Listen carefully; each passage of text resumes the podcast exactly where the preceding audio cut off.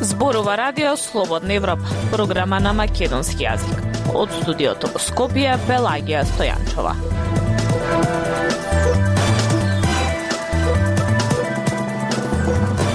Во денешната емисија на Радио Слободна Европа објавуваме пет причини зошто Зоран Заев падна од власт. Што пишуваат светските медиуми по оставките на Заев? Чемерска, Мирчевска и Велковски со поглед што соединува во галеријата на МКЦ. Слушајте не. Независни вести анализи за иднината на Македонија на Радио Слободна Европа и слободнаевропа.мк.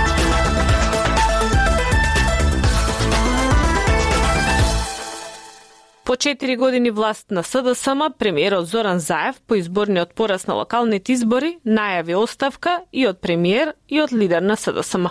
Во продолжение од Фросина Димеска слушнете ги петте причини зошто Заев ги загуби изборите. 47 годишниот Зоран Заев стана премиер во мај 2017 година, лидер на СДСМ во 2013 година. На државната функција дојде по повеќе од една година објавување на така наречените опозицијски бомби, со кои се покажуваше начинот на владење на тогашната власт на ВМРО ДПМН предводена од Никола Груевски, сегашен азилант во Унгарија. Тогаш вети честно владење, борба со криминалот, одговорна влада, напредок на земјата кон НАТО и Европската Унија, работа и демократизација на закоравените институции кои ги констатира и меѓународната заедница, тогаш вклучена во така наречените преговори од пржино, кои треба да осигурат и демократизација на општеството. Изневерување на очекувањата со кои СДСМ дојде на власт е една од причините за ваквиот изборен резултат, вели Марко Трошановски, председател на Институтот за демократија. Остана голем дел неадресирани проблеми во дел на реформи на судство, јавната администрација остана партизирана, нереформирана, протежирање на партиски решенија наспроти, наспроти квалитетни кадри. И другиот дел од реформската агенда која до некаде беше имплементирана беше засенета од недостигот на борбата против корупцијата и криминалот, вели политичкиот аналитичар Джелјал Незири.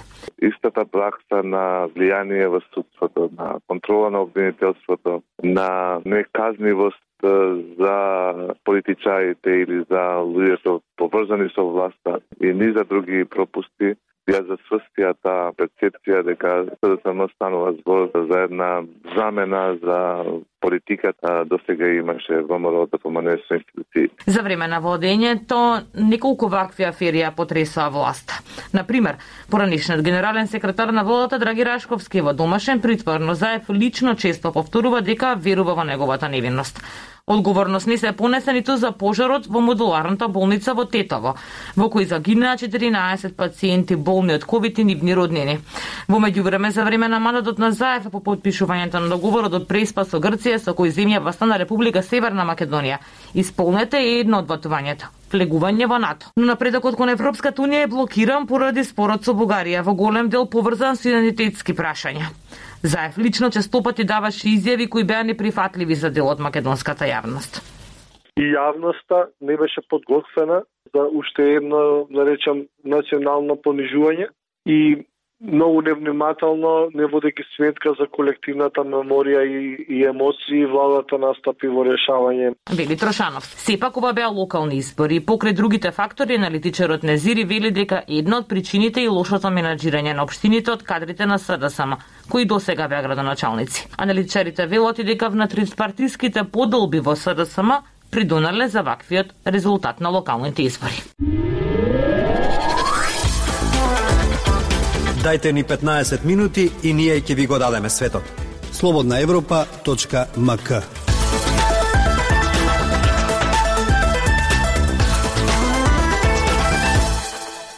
А светските медиуми, анализирајќи за оставките на Заев, вела дека тоа се должи и на неколку месечната намалена негова популарност. Се оценува дека ова може да влијае и врз несигурната владина коалиција. Го слушаме Гоце Танасов. Премиерот на Северна Македонија Зоран Заев во неделата поднесе оставка од каго неговата партија загуби во вториот круг од изборите за градоначалник во неколку градови во земјата, вклучително и во Скопје, јави новинската агенција Reuters, која пренесува неговата изјава дека презема одговорноста за поразот. Reuters додава дека Заев останува на ставо дека е против предвремени избори. Според законот, коалицијата може да договори друг кандидат за премиер и да формира влада без ново гласање. Ројтерс ја пренесува и објавата на Твитер на Флориан Бибер, експерт за Балканот од Универзитетот во Градс, кој напиша дека поразот на партијата на Заев на локалните избори делумно бил самонанесен, лоша кампања, стагнирачки реформи и поради неуспехот да се достигне до Европската Унија. Нема јасен наследник и дали новиот премиер ќе има моментум за повторно да започне сериозни реформи, напиша Бибер. Новинската агенција Франс Прес пак наведува дека шокантната објава на премиерот на Северна Македонија Зоран Заев дека поднесува оставка по лошите резултати на неговата партија на општинските избори уследи по неколку месечната намалена популарност на премиерот, додека се борел да одржи економијата на земјата на вистинскиот пат среде спротиставените ветрови на пандемијата и заглавените разговори за можното пристапување во Европската Унија. Донесов слобода и демократија, а демократијата значи преземање одговорност, ја цитира Франс прес изјавата на Заев, кој како што наведува, понуди неколку детали или временска рамка за тоа кога ќе поднесе оставка, потек што мора да биде одобрен од парламентот. Заев рече дека се противи на нови парламентарни избори по неговата оставка. Франс Прес ја цитира изјавата на Христијан Мицкоски, лидерот на главната опозицијска партија ВМРО ДПМН, која постигна големи победи на изборите викендов, вклучително и во главниот град Скопје. Власта е делегитимирана и тоа е новата реалност што со текот на времето ќе се манифестира во парламентот. Сепак најдобро е тоа да се случи преку предвремени парламентарни избори, рече тој. Франс Прес подсетува дека Заев потекнува од Струмица и оти влегол во политиката во 2003 година, за по три мандати како градоначелник на неговиот роден град, да стане лидер на социјалдемократите во 2013 година – Германската новинска агенција ДПА во врска со оставката на Заев наведува дека тој важи за прозападен реформатор и од оставката ја ветил доколку неговата партија има слаби изборни резултати во главниот град Скопје. Според ДПА, која се повикува на политички набљудувачи, лошите резултати на партијата може да влијаат и врз несигурната коалиција на Заев.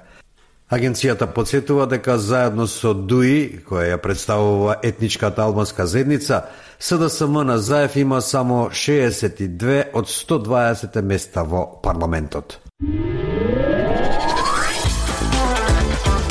Сакате да знаете повеќе? Наша веб страница слободнаевропа.мк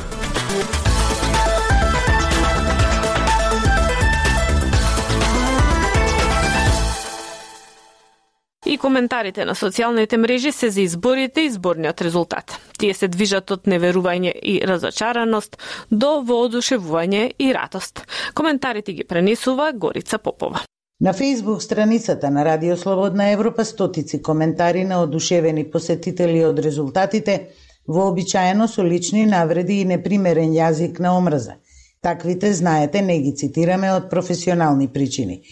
Подпишан со Блажо Ховер Страшниот алудира со иронија на зборовите на премиерот во оставка Зоран Заев дека причина за ваквите резултати се парите од надвор што ги добиле домашни бизнисмени за лични интереси и бизниси.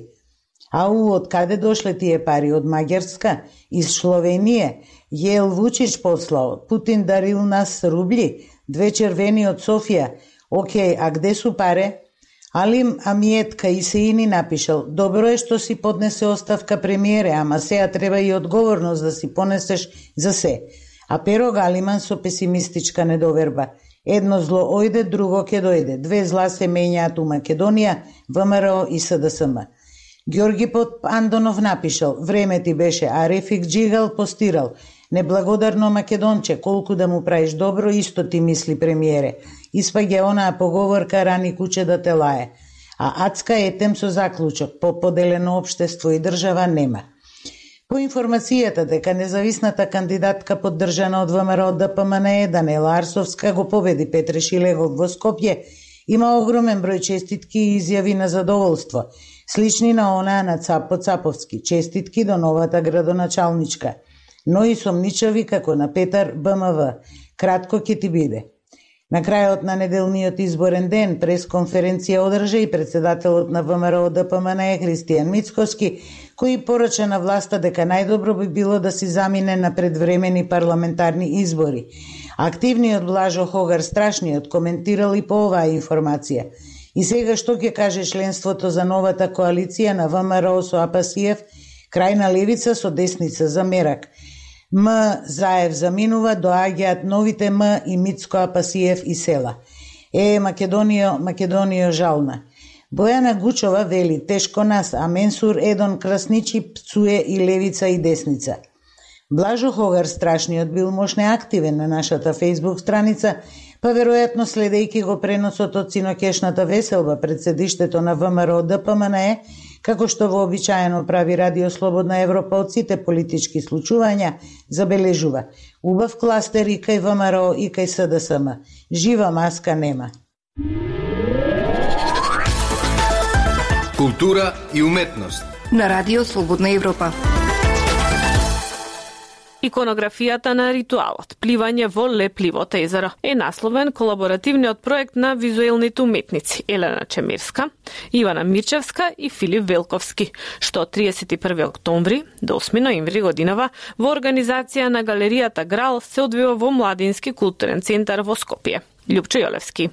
Од каде ни дојде необичната идеја дека природата наспроти културата е аисториска и безвременска, зошто историчноста и можноста за интервенција се права доделени на јазикот и културата, додека материјата се смета за пасивна и непроменлива или пак во најдобар случај незиниот потенцијал за промена е дериват на јазикот и културата. Дали сме навистина толку фасцинирани од собствената памет и самосвест? Ова се само некои од прашањата со кои визуелните уметници Елена Чемерска, Ивана Мирчевска Ковачка и Филип Велковски ќе го започнат своето обраќање до публиката во пресрет на одржувањето на својот колаборативен проект Иконографија на ритуалот Пливање во Лепливо езеро, што од 31 октомври до 8 ноември годинава во организација на галеријата Грал се одвива во Младински културен центар во Скопје. И потем тие со поширока експликација на собствената заложба во која најнапред забележуваат дека соочени со постојаното уништување на животната средина и неуморното исцрпување на природните природните ресурси трагаат по ново имагинативно разбирање за тоа како тие на емотивно и сетилно ниво се поврзуваат со трансформираните пейсажи на светот домаќин.